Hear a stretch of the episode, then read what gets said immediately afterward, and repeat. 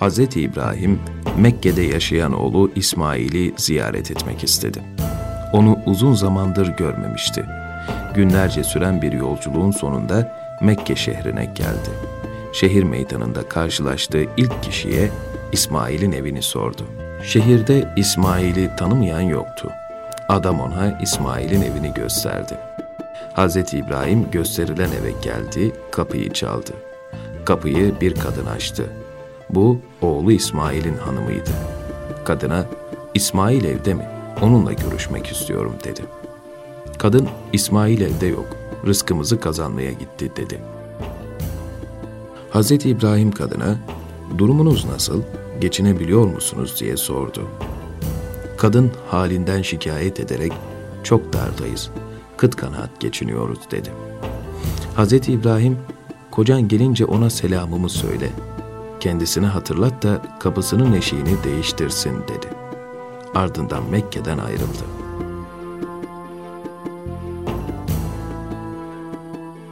İsmail eve döndüğünde evde güzel bir koku hissetti. Babasının geldiğini anladı. Karısına bugün evimize gelen oldu mu diye sordu. Hanımı evet ihtiyar bir adam geldi. Seni sordu. Ben de evde olmadığını söyledim. Sonra geçinip geçinemediğimizi sordu. Ben de darda olup kıt kanaat geçindiğimizi söyledim dedi.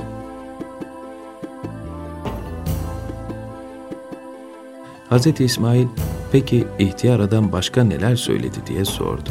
Sana selam söyledi. Kocana söyle kapısının eşiğini değiştirsin dedi. İsmail, babasının ne demek istediğini gayet iyi anlamıştı.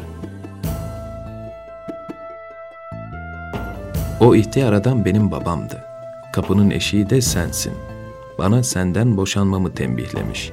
Artık birlikte olamayız. Sen ailenin yanına dön dedi. İsmail hanımından ayrıldıktan sonra Cürhümlülerden başka bir kadınla evlendi. Bu şekilde bir zaman geçti.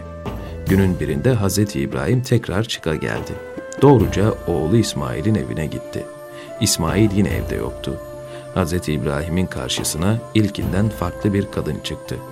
Kadına, İsmail evde mi? Onunla görüşmek istiyorum dedi. Kadın, İsmail evde yok.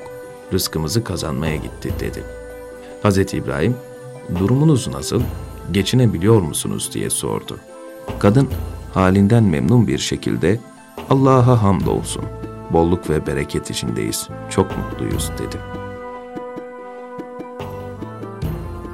Sonra kadın Hz. İbrahim'i eve davet ederek kapıda durmayın, içeri buyurun, uzaktan geliyor olmalısınız. Hem karnınızı doyurur hem de biraz dinlenirsiniz dedi. Hz. İbrahim içeri girdi. Kendisine gösterilen yere oturdu. İkram edilenlerden bir miktar yedikten sonra ve biraz dinlendikten sonra kızım ne yiyip ne içiyorsunuz diye sordu. Kadın et yiyor ve su içiyoruz dedi. Bunun üzerine Hz. İbrahim ellerini kaldırarak Allah'ım etlerine ve sularına bereket ver diye dua etti. Ardından gitmek için ayağa kalktı ve Kızım her şey için teşekkür ederim. Kocan gelince ona benim selamımı söyle. Kendisini hatırlat da kapısının eşiğine sahip olsun. Onu hoş tutsun dedi.'' Ardından kapıya doğru yürüyüp çıkıp gitti. İsmail eve döndüğünde evde yine aynı güzel kokuyu hissetti. Babasının geldiğini anladı. Hanımına bugün evimize gelen oldu mu diye sordu. Hanımı evet güzel yüzlü bir ihtiyar adam geldi bana seni sordu. Ben de evde olmadığını söyledim. Sonra geçinip geçinemediğimizi, bir sıkıntımızın olup olmadığını sordu. Ben de ona bizim bolluk içinde ve çok mutlu olduğumuzu söyledim dedi.''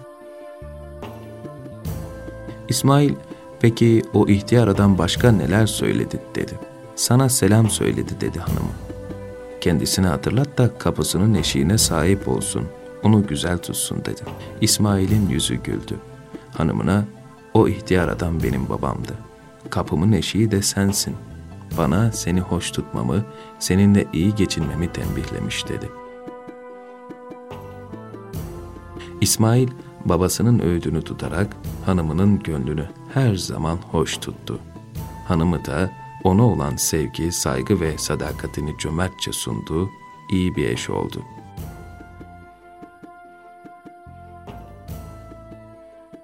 Allah günün birinde sevgili peygamberi Hz. İbrahim'e büyük bir görev verdi.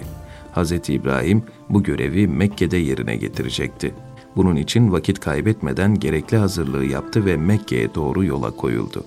Uzun ve yorucu bir yolculuktan sonra Mekke'ye geldi. O Mekke'ye girdiği sırada oğlu İsmail Zemzem'in yakınında büyük bir ağacın altında oturmuş okunu yontuyordu. Babasını karşısında görünce çok sevindi. Baba oğul yılların hasretiyle birbirini sıkıca kucakladılar. Hz. İbrahim oğluna Mekke'ye geliş sebebini anlattı. Allah bana büyük bir görev verdi. Bu görevi burada Mekke'de yerine getireceğim. Bunun için senin yardımına ihtiyacım var dedi. İsmail bundan büyük memnunluk duydu. Babacığım ne demek? Ben sana her işinde seve seve yardım ederim dedi. Sonra peki Allah'ın sana verdiği bu büyük görev nedir diye sordu. Hz. İbrahim biraz ilerideki yüksekçe tepeyi göstererek Allah bana şu tepenin üzerinde bir ev yapmamı emretti. Bu ev Kabe'dir. Kabe'yi ikimiz birlikte yapacağız dedim. Daha sonraki günlerde baba oğul Kabe'nin yapımına başladılar. İsmail taş taşıyor, babası da getirilen taşlarla Kabe'nin duvarını örüyordu. Duvar iyice yükselince Hz. İbrahim duvarın üst tarafına yetişemez oldu. Bunun üzerine İsmail babasının ayağının altına büyükçe bir taş getirdi. Hz. İbrahim bu taşa basarak İsmail'in aşağıdan verdiği taşlarla Kabe'nin duvarını örmeye devam etti. Bu taş bugün Kabe'de makamı İbrahim adıyla bilinen taştır. Büyük bir özveriyle çalışan baba oğul Kabe'nin yapımını tamamladılar. Sonra birlikte şöyle dua ettiler. Ey Rabbimiz! Yaptığımız bu hizmeti bizden kabul et. Şüphesiz sen bizim bu yakarışımızı duyuyor ve niyetimizin iyi olduğunu elbette biliyorsun. Kabe'nin yapımının tamamlanmasından sonra Cebrail, Hz. İbrahim ve İsmail'e geldi, onlara Kabe'de nasıl hac yapacaklarını öğretti. İnsanları da aynı şekilde hacca davet etmelerini söyledi. Bunun üzerine Hz. İbrahim, Kabe'nin yapımı esnasında üzerine çıktığı yüksekçe taşın üzerine tekrar çıkarak halka şöyle seslendi. Ey insanlar! Rabbiniz Allah'ın emrine icabet edin.